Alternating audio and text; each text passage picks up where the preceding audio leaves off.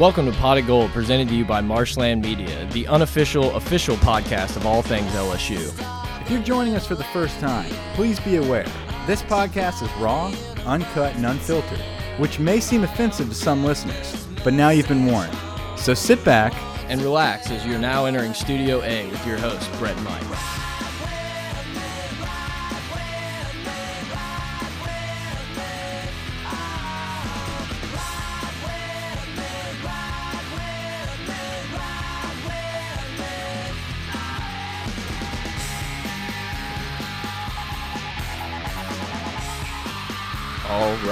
Everybody, Pot of Gold, welcome back. I'm Brett. I'm here with Mike. We're going to do a post-game pod of LSU's just dominant victory over the number two team in the land, Georgia Bulldogs, 36-16. Great game. We can just we're going to go on and on about this game, but before we do, I'm going to just throw it right to Mike because boots on the ground, boots on the tiger eye. Maybe he was in the stadium, was there for that electric atmosphere. I just want to throw it over to him and let him kind of take the floor and talk about this game Awesome. or Yeah. the pregame, I guess. Yeah. So the whole experience was phenomenal. And we'll definitely get to your point of view, Brett, for the CBS broadcast. I heard Gary was awful. So we'll talk about that in a little bit. Um, but man, a day to remember. Uh, just to start it off, just an incredible, incredible, incredible day all the way around. Um, you know, you wake up early in the morning and fall finally came through for us. It's gone now. Yeah, it's hot now. Uh, but but Saturday morning, waking up, fall was here, and with it brought probably the most memorable experience I've had um, at at LSU in, in years. Yeah, I mean it's probably a decade since we've had a moment like that. Absolutely. The the early setup for the tailgate was so enjoyable. There wasn't a care in the world about being there first thing in the morning. It was exciting. Um, there was just a sea of red, purple, and gold. Uh, Georgia was coming in by the busload. Yep. Literally buses of Georgia fans getting dropped off right on Highland where we were at. Um, it- was the buzz was in the air. You could feel it. Um, and and during the whole tailgate experience, the walk into the stadium, we were in the south end zone, and I, I tell you, I've never seen the lines that long, but it didn't matter. One of the reasons is because of the new metal detector type of things they were doing. I did read a lot of people kind of complaining, asking why. But it, go on, I just just throwing the that out there. but but the crowd itself, Yeah. as we were walking in, it's like we were backed up all the way to the jet, and, and then Bulldogs were feeling confident. Absolutely. So it, it, you know, Grant looked at me and he said, you know, this kind of feels like we're walking into like a Yankees Red Sox playoff game. It's just like perfect weather. Both teams are like feeling confident at the same time. We're walking into this tunnel. Uh, just the the buzz. You could hear the the just a constant rumble of of roar. Uh, as we walk into the stadium, by the way, shout out to Cool Cool Breeze Reeves. I like to call him Cool Breeze, uh, and his beautiful girlfriend Angelique for setting us up with awesome tickets. Um, section Section 401. My wife and I were, were blessed with awesome seats, incredible view. So big shout out to Great day for football. Great day for football. So thanks to for the tickets there. But as we were walking up Section 401, uh, we walk up the ramp. We walk into the guys parachuting onto the field as we're walking in. Just a, a surreal moment. The fans are going crazy. American flags are going crazy. Georgia and LSU are both riled up. You hear UGA, UGA, LSU, LSU. It's a battle of chanting. Um, I've never been uh, so excited for a beginning of a game in so long, and we were surrounded by so many Georgia fans at the same time. So, hostile environment on both ends, and, and something you mentioned too is for those people that so, sold half of their tickets there uh, and, and gave that Sea of Red an opportunity to be there. I don't want to say shame on you. No, shame on you. I'll say it then. say it. I mean, shame on you because look, they go to the aerial shot of that game before, and yeah, I'm sure maybe some LSU fans trickled in a little late, but holy crap, man, there was a ton of red in there, and you're like, uh, this seems more like a neutral site game than a home game. It's like there's just and there's obviously there's sections, but then there's just you see red sprinkled Yeah. everywhere, and that that I was a little worried, honestly. But we shut him. We shut him up pretty quickly. Yep. And and during the game itself, uh, I, I don't remember ever sitting down other than a couple commercial timeouts and uh, some injury timeouts. Other than that, we were on our feet the entire time, screaming at the top of our lungs. Everybody from the band to the DJ uh, to the people playing the hype videos at the correct time, the players executing on the field, mistake-free football, the play a calling universal effort. just everybody the crowd never stopped and you could see that lsu as a whole the football team never allowed the crowd to stop They never let up and allowed us to relax a little bit. It was a constant itch for the next drive. Whenever the players, as much as the players could smell blood in the water, the fans could at the Yep. same time, and you could feed off that. It was electric from start to finish.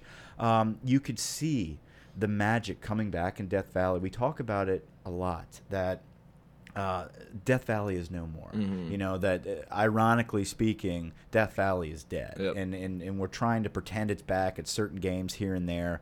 Uh, but on October thirteenth, two thousand eighteen, it was there on Mhm. full force. It was back.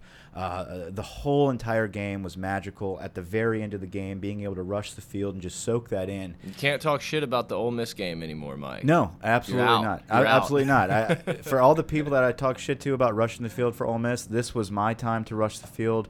I enjoyed the hell out of it. I felt that uh, it was time for us to uh, to soak that in. We got lawnmower guy in the I think background. I think we'll be. I don't think anyone hears it. Anyway, uh, but but being down on that field uh, after experiencing this this decade of man, we're almost there. We, can we get a big win at home? Can we get that huge victory that really means something on the Mhm. national scene uh, and, and catapult us into a possible playoff berth or this, that, and the other? Standing there on that field, all those memories came rushing back. You had to go through a Troy loss to Mhm. be able to appreciate that moment of standing there, looking at the scoreboard, 36 to what was it uh, 16. 36 to 16, beating them by that many points, just soaking in a, a, a victory over the number two team. Uh, I didn't want to leave that atmosphere, Yep. and and we we went back to the tailgate. We lit up the grill again. Uh, we put up lights around the That's awesome. tent, and uh, we stayed all night hanging out. Traffic was not a problem because we stayed all night hanging out, partying. Uh, the fans were excellent. Just an all around A plus for everyone involved the team, the coaches, the crowd. Uh, you know what? I want to say this: the Georgia fans were very respectable. I don't Mhm. want to say that they were trashy at all. We had a great time with them as well. Uh, overall, one of the best, if not the best, experiences I've ever had. Yeah, and there's so many things to kind of dissect from what you said, and we're going to get into a, a lot about the game here soon. But I think one of the great things that kept the crowd so into it is LSU had an answer every time Georgia kind of peeked their head up. LSU almost immediately answered. But to just go back, and then we can go into the game, to go back to the the talk about the atmosphere and everything. I thought it was very interesting, and maybe maybe I missed it because I started tuning Gary and crew out. But I feel like they never mentioned anything about the crowd or how electric it was, and I don't know if that's because Gary was like, ah, Georgia's not gonna not gonna you know be phased by the crowd noise because Tiger Stadium, whatever. I don't know if it was that like he was like, damn, I was really wrong, but I don't want to admit it. I, I don't know exactly how that all played out, and maybe they talked That's about surprising, it. yeah. Maybe they did, and I just I, there's no doubt in my mind that Gary Danielson was on Georgia money line. Like every single time, it was it's how I feel when I watch a game that I bet on. I try to lean my narrative towards the way I bet, Yeah. and it's just it was I I was not. What are some examples? What about the Fulton interception? He was Well, probably all over that. huh? Fulton, he was like, ah, maybe, I don't know, I don't. And it's like I was kind of pissed because that play should have been confirmed. I thought when the uh, the ref said it stood, I was like, we had definitive evidence that Mm. that ball didn't hit the ground. That kind of pissed me off. Burrow, whenever we went for it on third and short, after Burrow ran it out of bounds, he was like, he's a yard and a half short of that spot. Like he was all over that, and just just little little remarks here and there and well, everything. you know, speaking of the refs, I felt like they did a, a, an excellent They job. let them play. game. They let the kids play for both sides of the ball. Yep. You know, and, and I don't know what the penalty breakdown is for either side. Uh, I do know LSU played excellent mistake-free football, but they there were six penalties combined. Yeah, so that, that's what I'm saying. Like they let the guys play, they let the players make the plays on the field, um, and at the end of the day, that's good football. It was not this boring, bogged down, like oh, drive killing stuff for either side of the ball, Mhm. uh, for either team. So that was very refreshing to see, um, and that just goes into the experience. Uh, you know, the refs didn't kill this game either. Mhm. Uh, No, absolutely. And the game starts off with LSU getting the ball and going three and out, and you're kind of like, uh oh. Well, the beginning of that game, yeah. So Adrian Magee got kind of abused in the Mhm. beginning, and then uh, it, it led to a sack there. But that also led to us seeing Chasen Hines. that sack, uh, that sack can be on Burrow too. You know, I don't. You yeah. know, I thought you got to go back and look at into it. He did, uh, but but since that sack happened, Magee never came back in for Hines. So and it's something we talked about. We said, you know, obviously Magee's a good player and he's missed some time, but man, I, I thought Hines looked so good every time he was in uh, previous to this, and then this game showed me no different. He's a bully, and uh, I'd love to have him in there for Brumfield. It'll be interesting to see what happens. Obviously, Brumfield will come back and be a starter, but now you've got that refreshing changeup. Now you've got a very confident in Hines now to come in as a guard replacement for either, um, and very confident in Magee to come in and, and as a tackle. So with this shuffleboard of offensive line we went through the first five to six weeks of the season, now entering the 2nd half of the year, you've got your established backups that can rotate in whenever you want. Um, enough cannot be said about the offensive line's performance. Agree. Uh, the, the way that they were abused last week against Florida. Uh, moving forward and correcting those mistakes, phenomenal job. I want to point out Lloyd Cushenberry uh, and and Damien Lewis. You have to understand coming from a center coming from me who played center before one of the hardest if not the hardest play for a center is the quarterback sneak. Uh, being able to take a step and move forward and not allow that defensive tackle who knows the second that ball is snapped their only job is to tunnel forward. To be able to get a push a, a clean snap and a push multiple times throughout this game against georgia is huge. Um, Lloyd Cushenberry and, and Damien Lewis, you see they go off that right side every single time to get Joe Burrow a touchdown, a first down on fourth and short. I mean, over and over again, the trust that we have in those two is phenomenal. Well, and I mean, I, I know what you're saying, and that's awesome. But also, too, I mean, Helaire had a breakout game, and you have to give uh, at least some of that credit to the offensive line. I thought Helaire played amazing and made a lot of plays. But I'm just saying that Yeah. goes on to it. Not only on the QB sneaks did they Yeah. show up, they were getting upfield and securing blocks. I mean, I feel like we had more chunk yardage running plays, and it's something we talked about how we saw on film We with ran Georgia's the ball. defense. We ran the ball at will against Georgia in, in multiple We had the better running game. outside tosses, inside zone runs with Brossette. Brossette's vision on certain plays and critical drives, critical plays to get up the field and get a first down, where it looked like he was stopped. One cut, finds the lane, Mm-hmm. gets 10 yards, gets down, holds onto the football. Great.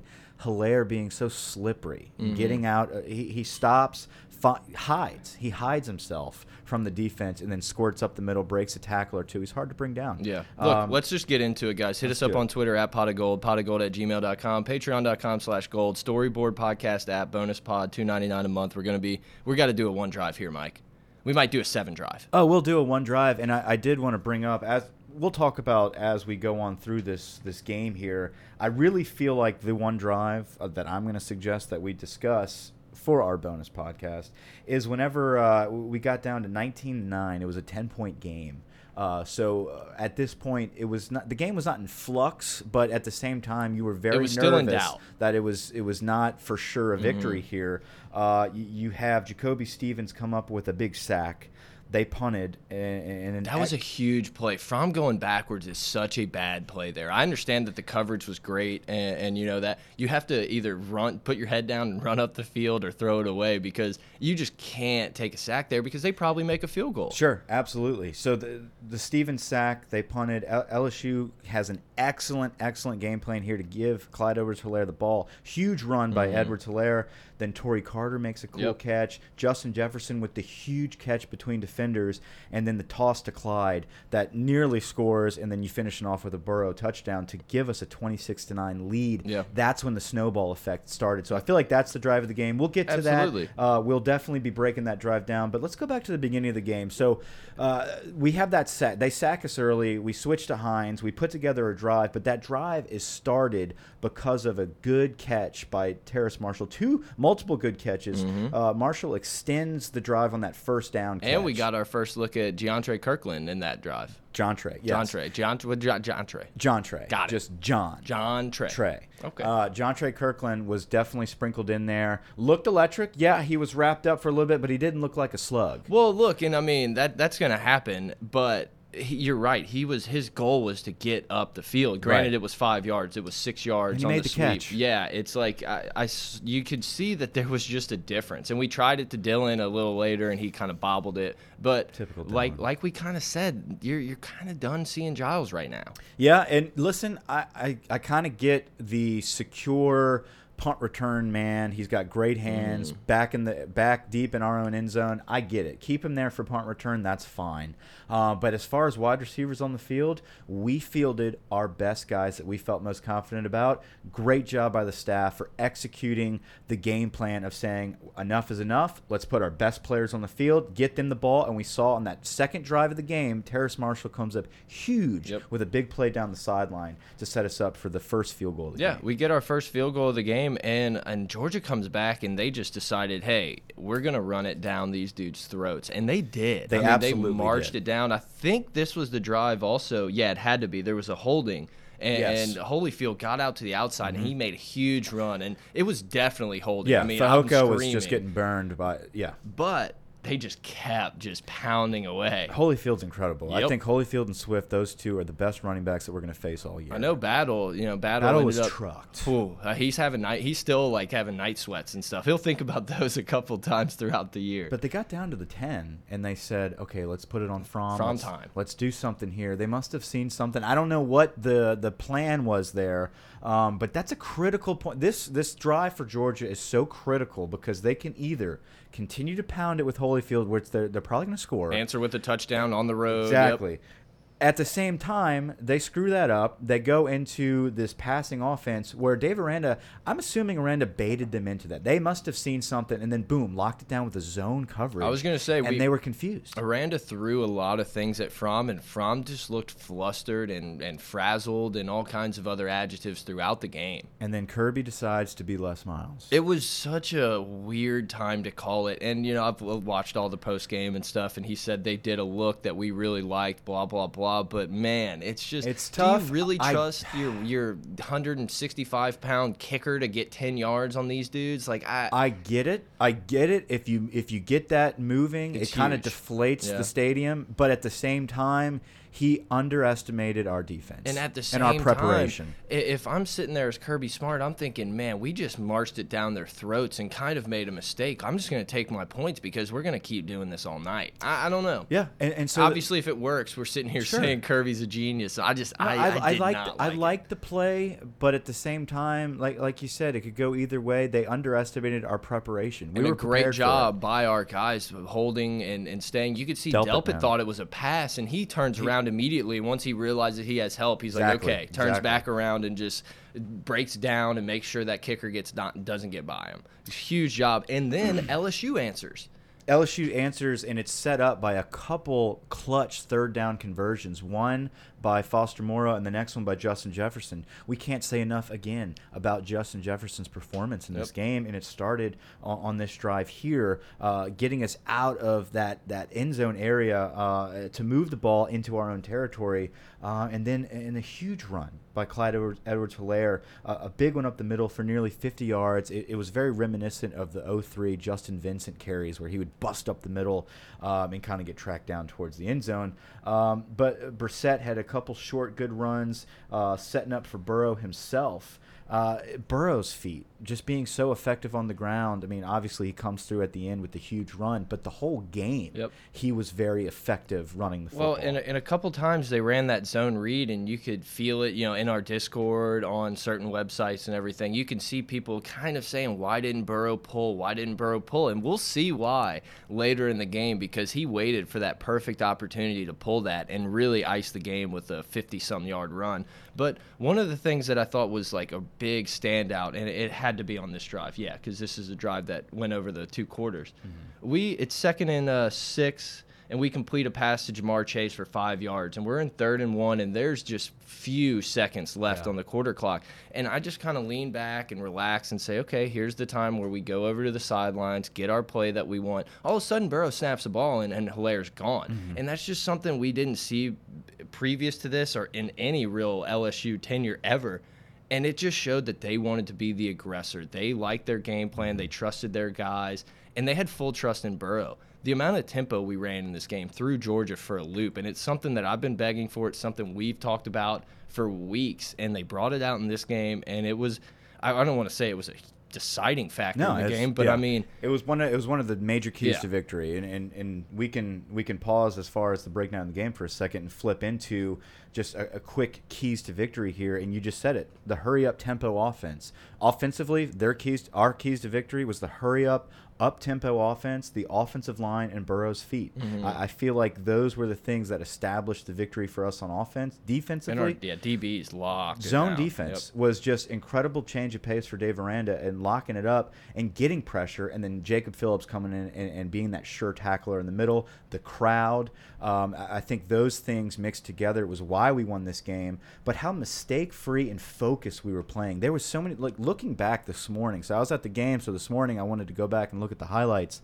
The intensity that LSU was playing with on simple punt returns. Yep. Our special teams guys were playing fire. I mean, they were they were on fire, uh, coming through with so much intensity. There was no one just strutting around lazily. It was I agree. intense from start to finish, and I think that goes to your point of that hurry up. The the the clock is ticking. Let's go into the next quarter. Hell no. Let's keep fucking pounding. Pedal. And that's what Yep. we did, man. Um, And then we can kind of just talk about how this drive capped off. You know, we had to. Ed takes a timeout to challenge a play because you know everyone and their dog has been screaming that we didn't challenge the play against Florida. So once again, we're the only team in America that actually challenges plays. And it was just one of those that Brossette probably got in. There's just you couldn't tell. But Burrow was kind of pissed that we called that timeout because he was Yeah, ready to go, and it. I think he knew that they had it. Their defensive tackle wasn't even uh, in his stance yet, and Burrow was getting under center, and you could just see he jumped up and he was kind of pissed. But I mean, capped off the drive with a Burrow little QB sneak touchdown run, and it was kind of like off to the Brossette races. was close. It looked like he was in. Um, There's just no way. There was just no you way couldn't you could tell. tell. E- Whatever the call was was going to be what it stood. Sure. Uh, so so Burrow gets in. Um, uh, was that thirteen nothing at that point? Uh, that Um, makes it ten. That's the ten. Wait. Yes. Okay. So anyway, we move down. Well, let's see. We And do. instead of trying to run again, Georgia comes out and throws it three straight times for a single yard, and they punt. Right. Uh, so just this is whenever we hit Justin Jefferson. Okay, so Jefferson was wide open, uh, Yeah. coming back the other way. Uh, we get inside the twenty, then we set up for the field goal to make it thirteen nothing. Yeah, Um, and, and at this time, I, I'm sure the kind of in the stands, you're kind of thinking the same thing too. But you're like, oh man, we didn't get a touchdown there, Right, And, and you're starting seven, to worry yeah. because I, I'm blanking on which game it was now, but.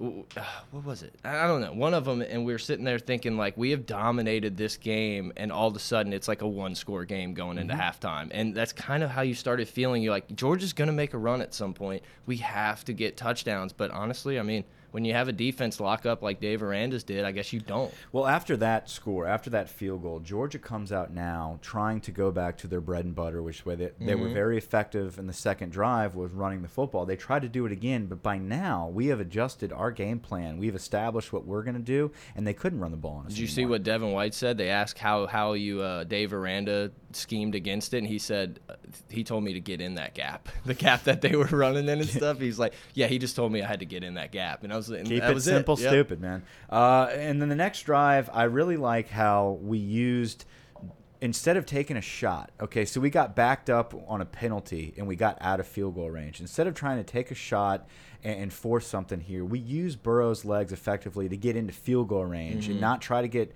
major points here. We just want to get that three, and I felt like that was a very safe call, a safe decision by Joe Burrow to go up sixteen nothing there, set us up for that nice field goal. Yeah, and I mean this was uh this was the drive that LSU went for it on fourth down twice. Mm-hmm. So I mean, being the aggressor, uh, it, was maybe possibly not the right decision to uh, to go for it on that first one. We were in that midfield area, and it's like we don't want to give Georgia a short field. Our defense is looking good, but instead, no, no, we just said it's it's our field, it's our home court, and we're it's us. The next drive really showed us uh, our pass rush, our pressure that we were getting on Fromm. It started with Glen Logan's huge sack, uh, coming out party for Glen Logan. Big guy making some big plays in big games. It's awesome to see a guy like Glen Logan, who, um, you know, it was not the weak link on the D line, but the newer guy. You know, obviously Fehoko's the new guy transferring in, but he already had all the hype coming in. Now you've got Glen Logan playing opposite side of Lawrence, and it's like, man, can he do something on his own? Can he come up big? And he came up huge. They ended up converting though, a couple plays later.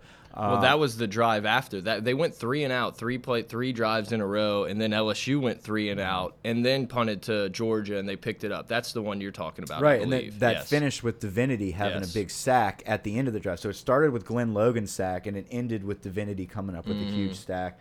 Uh, the next possession for us, steady drive by Brossette, but we missed a wide open Ja'Marr Chase uh, on the corner. I don't know if you remember that. Mm-hmm. Um, we ended up having to punt, uh, but this is where uh, Delpit came up with that deflection that almost looked like the most incredible Yep. interception I've ever seen. Yep.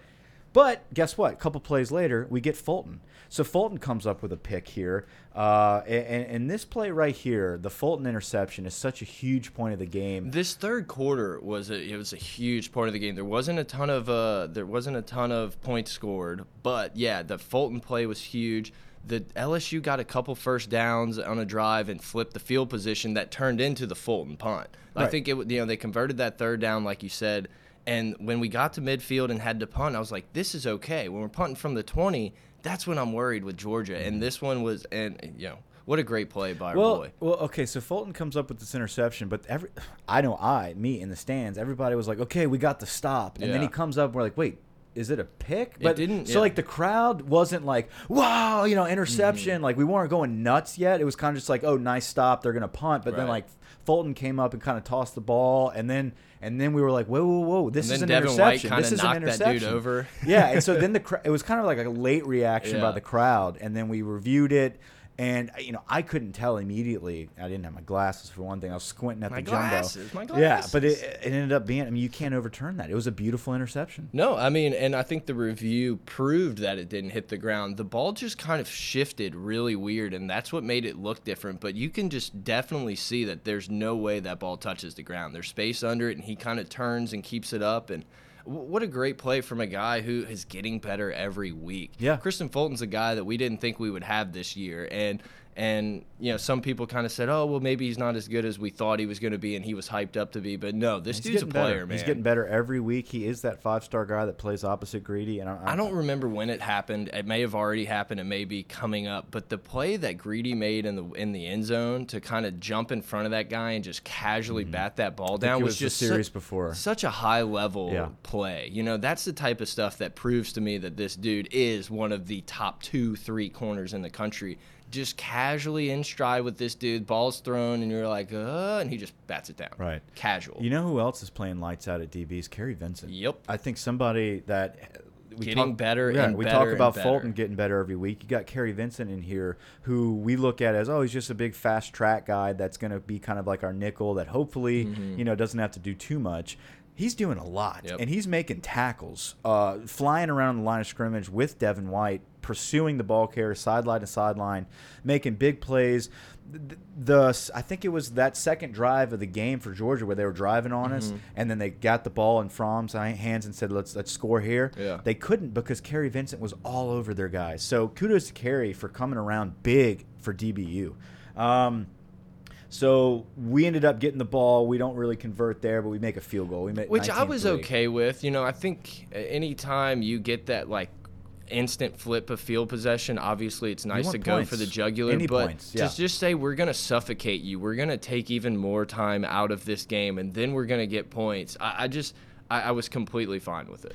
So they get the ball now, and then this is when they go on a good scoring drive. So Fromm hits Isaac Nauta, Mm-hmm. um, and then he goes for another shot and gets a pass interference on the next play. Which was iffy. They they could have called a couple here and there throughout the game, so I don't think I was really. It's fine. Yeah. Um, Fields comes in to do a little zone with Holyfield, Mm-hmm. and they get to march it, and Holyfield scores. Holyfield's an incredible back. He, I, I think the guy's comparison is very accurate. Yeah, for I- sure. I He's a downhill runner. He's strong as an ox. There was one of them where there was probably 16 guys from both teams that jumped on top of him, and he was just kind of inching that pile it was this drive. Yeah, and it was just look. I'm so happy that kid had seven carries in this game because he he's a difference maker. He's a great running back. I don't.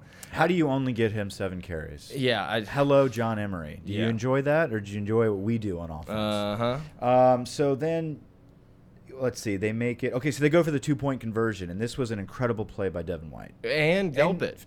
Delpit and Fulton. Yep. Fulton came up, Every held his single own. every single player that was involved in that play did their assignment perfectly. It's obvious that they watched their tho- those plays. That was a play that was run in the uh, the one of the national title Mm-hmm. games or the playoff game, whatever. And you could tell that they watched it and they said, "Hey, there's a lot of things you can do off of this place. So don't get sucked in. Don't don't read with your eyes. Read, Fulton, you know." Fulton stayed on the sideline. Devin White immediately pursued the corner. If that was a pitch, Devin White, that's like a 12 yard tackle for Yeah. loss. Yeah. And, and yeah, it was, and, and I think that was such a great little energy boost because if they get that two point conversion, all of a sudden it's like, uh, here we go. Yeah, so here it's it's 19-9. Um, it's a 10 point game. Yeah. Uh, you know, it's it's a crucial part of the game here, and this is where uh, the aggressor, like you talked about, this is where The answer. th- this is whoever's going to win this game. It's going to be answered right Yep. here. So many times in the past, I felt like it, it was LSU's just hoping and praying that the clock is going to keep running out. But in this thing here, we just we showed up and our offense marched it down with a huge answer and punched them in the mouth. well, before that, we did punt. So we You're we, right. We punted right. the ball back to them. like twice. Right. So so that was a rough series for us, but we came through the next series with Jacoby Stevens a sack, and this is what creates what I believe is the drive of the game. Mm-hmm. Uh, with with Clyde Edwards-Helaire's run, Torrey Carter catch, a huge play to Justin Jefferson catching between the between the defenders. Man, I mean, just coming up huge. Great Right- throw too. Beautiful throw, beautiful. I mean, the accuracy of Joe Burrow. He's not a game manager. He's a gamer. Yep. Period. Um, the the beautiful throw there, the plays that we were not making against Florida, the catches we were not making, we were making against Georgia. Uh, we didn't make the mental errors. We didn't. There, it just. It seemed like everything was perfect. Like Yeah. everything we did everything right. We. Well, oh, look, we make that incredible catch, and we don't slow down and Yep. huddle and relax. We do a hurry up toss dive to Clyde, takes it all the way to the end zone, Mm-hmm. uh, comes up just short, but guess what? Big Burrow sneaking in again for a nice touchdown. Uh, 26 to 9. That's when the game seemed like it's our time. It's Yeah. our game. It's over. Let's just let cannonball, snowball effect. Let's get it going. This kick return here, the fumble That's what I was going to say. It was very interesting because obviously we could kick it out of the end zone. Atkins kicks it almost into the third row whenever he does it. So it's obvious we were kind of baiting them and Yeah. testing them and trying to do it. And your boy Patrick Queen comes up with a nice hit that, you know, maybe Looks he- like he got trucked, Which but, is- but- slows the ball carrier down, rattles his cage, mm-hmm. ball pops for- out. and who did it? Our boy Ed Paris. Beautiful old man Ed, bald man, old man Ed, Uh, And the kicker ended up with- yeah, Atkins ends up pulled it out. Looked like a freaking hyena out there ripping that ball out like a honey badger. Yeah. And then Kirkland was like, oh, look, I got the ball. I got the ball. I love it. Kirkland tried to steal that thunder, but I think the uh, the, the the announcers got that right. Atkins oh yeah, came out with Yeah, that ball. Yeah, but and you know the one of the things I was kind of worried about was was the person out of bounds when they touched the ball, and that kind of reminds me. Gary was like, "Oh, he was out when he touched it." Ah, you know, it was one of those. And I was just like, "I hate you so much." So we go up. I f- we, we kick another field goal there. It's twenty nine to nine. Another Um, time where it's like. I'm okay with just pounding it and hoping maybe we score, Exactly. but just the, the Don't throw a pick. minutes. Don't do anything stupid. Don't do anything silly. Hold on to the football. Run that clock out. Get a field goal. Go up 29-9. Beautiful, beautiful Mm-hmm. play. They come back with a nice Ridley drive. Ridley scores a touchdown in the back of their end zone. Great pass by Fromm. They kind of march down the field. That's fine. Okay, we can give up some stuff there. Uh, I don't like it, but we can we can afford it at this point. Uh, And still at that point, as an LSU fan, you're holding your breath a little bit. 29-16. So you're kind of like, ah, we got this. But I remember looking to to Cool Breeze Reeves in the stands, and he was just like, what, you know, what do you think? And I was like, that's. It's not done. Yeah. It's not over yet. Not against this team. We, we're almost there. We're almost there. And then the Burrow run is, is, is what I I feel like was the icing on the cake. And that was set up from one of the first plays of the game, and it was used so perfectly. Burrow, and I think we kind of haven't said enough about this, but Joe Burrow being in the Ohio State system for so long with guys like JT Barrett and those type of guys who ran this zone read so well, he is so well taught and, and does this zone read so well. I, I just, you know, I feel like we never talk about it really. It's something Speaking so. of Ohio State, Yeah. our boy Bob up in Athens. Uh, I, we love the shout out. We love that you are getting Burrow's hometown Yeah. onto Pot of Gold. I think he might have been mad. I was like, yeah, I went and changed his wiki to hometown. he got Stadium. mad, but that's fine. Uh, we it's all in good fun, Bob. Uh, we love that you're a huge fan of the podcast, and, and we really, really admire how a lot of the Ohio community um, is rallying behind LSU. yeah, absolutely. And Joe Burrow's our guy. Yeah, and I, I think that's where Bob had some issues with you. It was you were on Twitter saying he's ours. No, he's mine. Yeah, he's, He's like, this is his hometown. It's like, not anymore, fella. Pretty cool video of Joe Burrow walking through the crowd back into Tiger Stadium, uh, back into the locker room. Um, somebody threw like a Bud Light hat on him at the very end. He kind of did like a turn. I'm a like, Coors guy. This is the moment I decided to go pro. No, but uh, uh, really cool, really cool moment there for him. But yeah, so that run was huge. But right before that, Nick Brossette had a really good zone run up the middle. It was kind of just like.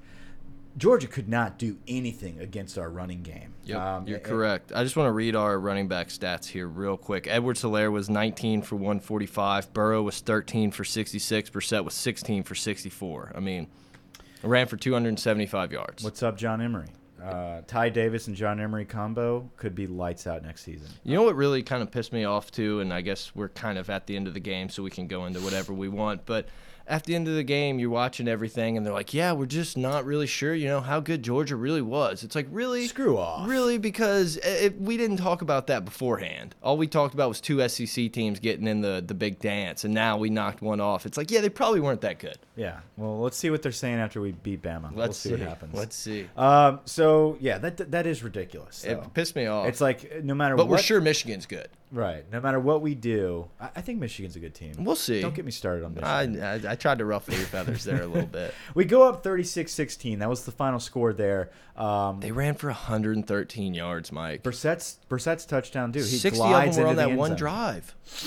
And then we ended up with a battle interception at the end, kind of like Yeah. uh, a nice center fielder who's call who's who's going to call for it. Yeah, Greedy, you could almost see he was kind of pissed. Like, I thought I was going to get that. Yeah, yeah, but good for battle. No, absolutely. good for the leader. Good for battle. Game over. We rushed the field. Uh, just uh, incredible, incredible experience. I can't say enough about the finish of this team, the drive of this team to be able to execute in every single uh, part of this game. And every one of those boys was on a mission from the end of the Florida game to this week right here. I hope it keeps going, but you could just tell this team had a different intensity. A team that thought maybe they could just kind of walk in and beat some teams like Florida. They realized they couldn't, and I think that's that you got to give a lot of credit to the coaching staff across the board. You got to give a lot of credit to Ed Orgeron. I wonder how Kip, Steven, and Carlos are doing today. Yeah, I put Chip in the show notes. I was so tired. Uh, we did our, yeah, I'm sure a bunch of you guys saw. We sat down with some Georgia fans for around an hour at Maribo Pizza on uh, Friday night. And I got back and I was like trying to write the show notes after editing and everything. And it was just like Chip and Carlos. And then Mike texted me, he's like, Kip, K I P. I was like, oh, shit. it's already posted. So hopefully we called him Kirby the whole time, so Yeah. it doesn't matter. So hopefully, guys, you guys are listening on your terrible, awful drive home. Uh, but safe travels. Yeah, safe travels. It was a fun game. I mean, I, I think Georgia, although I, I'm sure Georgia is just in nightmareville right now. And They, they have kinda- to they have to not understand. Remember, we talked to the kid after the after the the podcast. Mm-hmm. He's like, "Hey, I really wanted to to talk to you guys about some stuff. You know, like, uh, you know, Georgia. You know, they're not going to lose the game, but like, if it's close, we might have some stuff to work on." I'm just like, yeah, I, I think that LSU is going to pull it off, but it's going to be like a field goal game. Yeah. But if LSU like beats the shit out of you guys, y'all are gonna have to look at yourself in the mirror. And he's like, yeah, but I mean, like, no way. That That good, you know. I, It's, I don't it's think nice anyone thought Yeah. that. I, I don't think anyone could have called No. that we were gonna blow out Georgia. No, I, I completely agree. But it's always nice to just you know give some people a reality check. And I think I don't know if I said it on the pod or before or after with those guys, but I said it can go fast. Just because you're really good now doesn't you're not owed anything in this league. And I think that's a good point for LSU fans right now is Mm-hmm. to please enjoy this. Yep. Don't. I mean, the season is already almost over. Yeah, We've got it- five games left in the regular season. I feel like LSU fans need to sit back and say, look at what we've done to this point. Enjoy these type of victories as Yep. much as you can because they leave quickly. Yeah, and what Nick Saban's done at Alabama is just not it's not replicable. I mean, there's just they've it's left kind of a, a weird Yeah, get that sour taste in people's mouth thinking like you should win every game and that's just not, Not how really. college football works. It just really never has. You have a Miami team, a Bama team that runs the table here and there, stuff like that over the years, but it's just college football is special. That's why it's so popular, you know? Yeah, and, and everyone wants to, to sit. I mean, back. Tennessee freaking beat Auburn. Yeah, good for them, and that's a wonderful moment for that program. And I, and I feel like uh, what we experienced yesterday, though, is what college football is all about. Yep. It's not about looking back at the Wikipedia page and saying, "Oh, we were 11 and one or 10 and two, and really cool experience." No, it was about experiencing yesterday. It's Yep. about living in that moment and saying, "We did that." And for all the naysayers of Coach O, look, we were never big O boys. I know on Voldemort, But we thought this could happen. we knew this could Yeah. happen. We knew that if the cards fell in in our favor, if we got the recruits we needed, if we picked up Joe Burrow, if we got Cole Tracy, if Fulton passes the drug test, whatever, if all this shit happens, this could happen. Yep. And then even with saying that, people are like, no, we've got Ed, we've got Ensminger, Aranda's overrated. You know, the the program's in shambles. It's like, listen. It could be in shambles if it doesn't go our way, but if these things line up and it happens how we believe it can happen, we're going to be a really good football team. And guys, we're really freaking good. and the snowball effect. I mean, this game. I mean, how many top level recruits were in the building? A Huge. lot, a lot, guys, a lot, a lot. You, And- and, Shay talked about Yep. it. It John can only it can only get started from here, man. Ed Orgeron can Yeah. snowball Yeah. this into USC early 2000s, where Pete Carroll was just getting everybody, and, and it was like, oh, this may never end, and we could potentially be seeing something like that built here. Now we could go out and lose to Texas A&M, we could lose Mississippi State, everything, but I, I I'm just I'm all in, man. I love it. Yeah, and I, I think the Miami game in the beginning of the year was one of those big victories where you said, "Hmm, this could work. Yep. This could work." Auburn, big big victory. I mean, like so close to to being a loss. Yep. You know, like that final drive, having the cajones to move the ball down the field and make those big plays, and Cole Tracy coming up big, getting lucky at times. You got to be lucky to win. Uh, moving forward now, where this was the game. This was the one. It's like, okay, you can win those games because, but guess what? Auburn's probably going to lose a couple they shouldn't. Miami's not going to look great at times. You need to have a staple. This was the staple. This is just a game that how Ed Orgeron's tenure goes from here. It could go great, it could go bad, but this is a monumental game for building the program that he had in his binder that everyone made fun of. Mm-hmm. It, this is one of those like the integral parts and the, the fork in the road, and it looks like we're going the right way. And for all the people, myself included, that sat back and laughed at the Ensminger hire and said, "Well, here we go." You know, like I, I know Ed's nervous. He doesn't want to go out and get a big splash name. He's going with the guy he trusts from within the program. And I think it shows It that we worked. trust. It And- worked. Yep, absolutely. Ensminger, I think, has called a, has had really good game plans going into every game. The Florida game, I, I think we couldn't do what we wanted because of the line scrimmage. and- line protection and setting ourselves up in negative field position because of the missed tackles. I think uh, I think nine times out of ten, I think we can beat Florida. I think it's just one of those games where they had the best of us.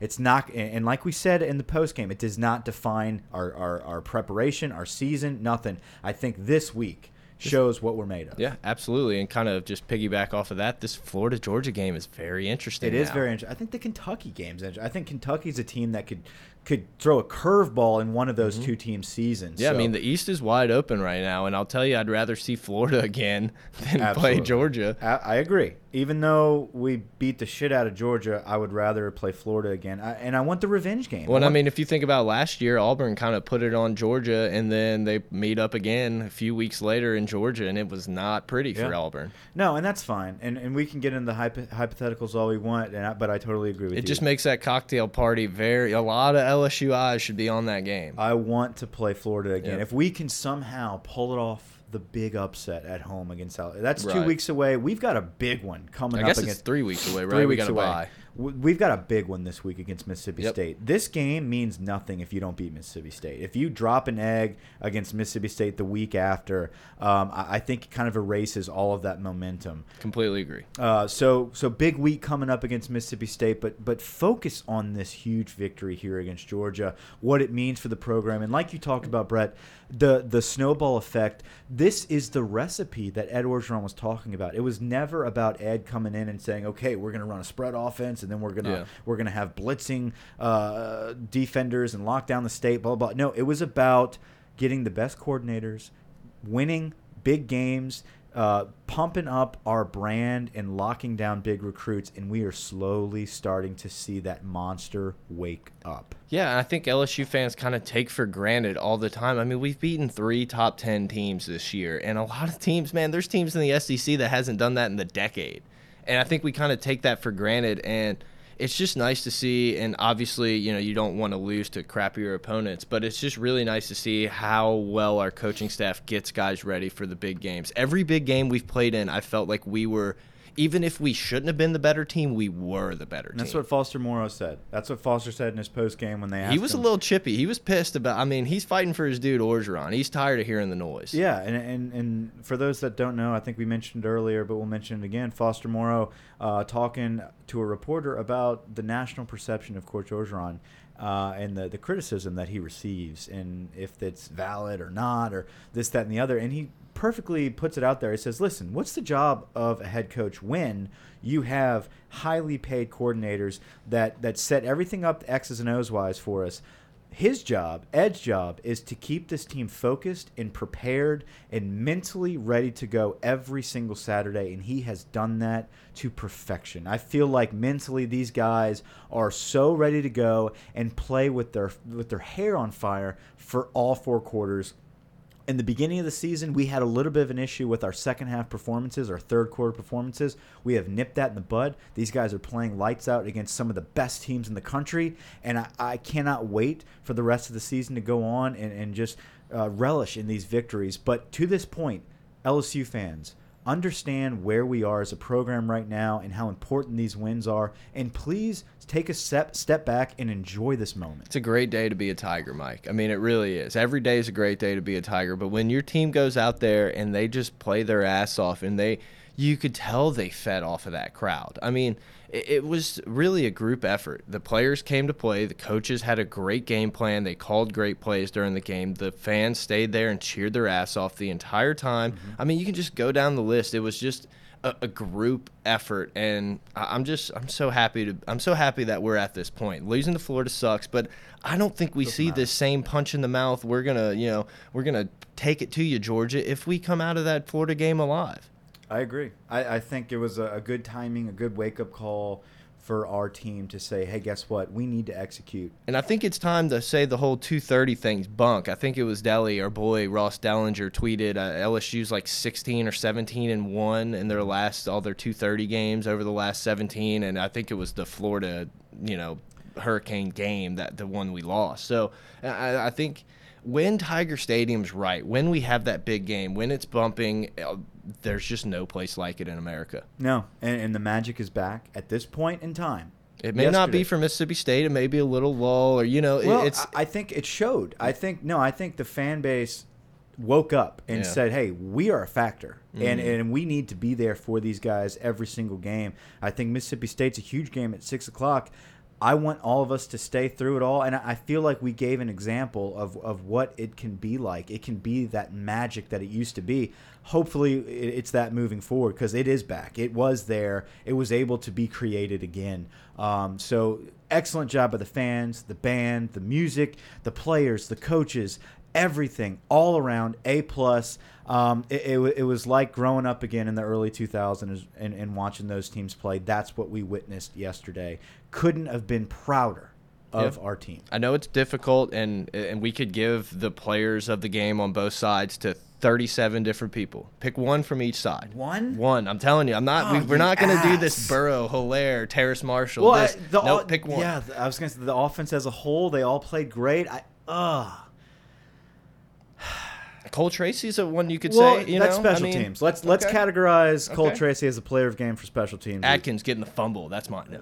Cole Tracy easily for special teams. Offensively, um, you know, I got to go Joe Burrow. Yeah. I got to go one guy, Joe Burrow, because he is your offensive leader. And if he does not show up in the big games, then you don't move forward. You don't score. And I think Joe has showed that he is so calm in big moments. Nothing rattles this cat. And I feel like that is the most valuable player You're right. on offense. You're right. Forever we've watched all these other teams and you see their quarterback just so calm, under control, and it's like, why why do we always look like if there's a fire in the locker room that we have to get out? But I'm gonna go with Helaire because it was a breakout game for him. You can see he's getting better every week, and the, kind of the story throughout the season was, oh, you know, maybe he's not as good as they were hyping him up in the preseason. He looks okay. He's is he fast? We need to play Brossette more, and he he made a ton of really good plays in this game. And I'll just flip it over to the defense. I, I the secondary as a whole played great. Delpit, whatever pressure. Kristian Fulton, I felt like came up like a baller so many times in that game, and I, I think it's just impossible not to mention him in this player of the game type of thing. The pick, you know, you can even take the pick out. I thought he played great. Yeah. Um, so I was so as you threw that question to me, I'm sitting here thinking the three guys, in my opinion, because I feel like Devin White gets overlooked because of how good he is. It's an, an expectation type of Right. thing. It's an oh, if he doesn't have an enormous, Right. huge sack, it's like ah, did he play that well? No, he is lights out. He's incredible at, at- at his position. Um, it was between Devin White, Grant Delpit, and and Fulton, and I feel like I have to give it to Fulton, like you said, because he has progressed every single game, and we all know Greedy. We all know Yep. what Greedy can do. So Fulton will be targeted way more, way more often. But it wasn't just his lights out coverage. It was his run support. It was mm-hmm. his responsibility on that two point conversion, being able to stay home there. And then the interception that totally turned the outcome of the game around and started that snowball effect of we're here and we are going to win this game. I think coming up huge there. Yeah, I, I got Kristian Fulton as defense and Joe Burrow on offense. So Yeah, the, I mean, man, LSU beat a number two ranked team, Georgia Bulldogs, in every aspect of the game running, passing, defense, run defense, special teams. I mean, eh, turnovers, every like category you could ever try to like quantify a game at. LSU was the better team. Brett, we just beat the shit out of Georgia. Yes, we did. Absolutely, we did. Guys, hit us up on Twitter at Pot of Gold. We want to hear what you guys have to say. Join the Discord in the link below. Well, Uh, we have one more uh, Yeah, review I, yeah. I was trying to kind of. You were almost there? No, I was trying to give you some time to look it up, man. No, so uh, I always love to do the reviews. We didn't do it in the beginning because we just wanted to dive into Yeah. this game. Uh, but this I is think we, yeah, no, just so everyone knows, that Mike and I, Mike, we got to the studio and it was like, we're not talking. We're, we're not No, talking. just Let's flipped on the let's load everything back out from the the pod on the road and let's just fire it and go. And I think I think we did a good job of going back and forth about the game. Uh, read the review. Saturday. Uh, this was a Saturday review on iTunes. Great podcast. Five star review from Creole Mom. Uh, feel uh, see. Feel ready for the game now after hearing this podcast. So Creole Mom. Uh, thank you very much. I may or may not know who you are. Uh, really, really appreciate the, Look, the guys, shout yeah, out there. We've gotten a, a- bunch of emails about T-shirts and and everything that we're doing. So you know, I'm sure next pod we'll have a little bit more to talk about with that. But they're almost here, and we're gonna figure out how to do it. So stay on top of us, and uh, we're, gonna. Well, I'm just having a blast we will this, have them at the tailgate, but we will have opportunities for you guys to buy them before Right. and after. That's that's uh, the point there. Uh, Brett, uh, big week coming up. Another Bulldog team. Yeah. Can't wait to get into that pregame discussion. Can't wait to break down the Georgia One Drive Storyboard podcast coming up later this week, guys. Thank you so much for supporting this podcast, being with us throughout the day. Everyone who throughout the came to the live show and everything. I know we didn't like that. promote it like that and everything, but yeah, it, but there it was fun, and we can't wait to do this more often. Uh, we, we look at our our, I guess you could say where we're located throughout the world Mm-hmm. as far as the podcast. Like you said, man, we've got guys and people listening to us in Germany, Poland, China, and Poland. South South America, I mean, Athens, Athens, Ohio. I mean, we're all over the world, and we, we really appreciate you guys listening to us, supporting LSU, and we hope that during this time of uh, jubilation from this huge game, that everyone can strike up this podcast, listen to us uh, this week, and, and really continue that momentum that we have going for us here as LSU football Tiger fans. So thank you so much for listening. team. We love this team. We love you guys. Thanks for listening. Over and out.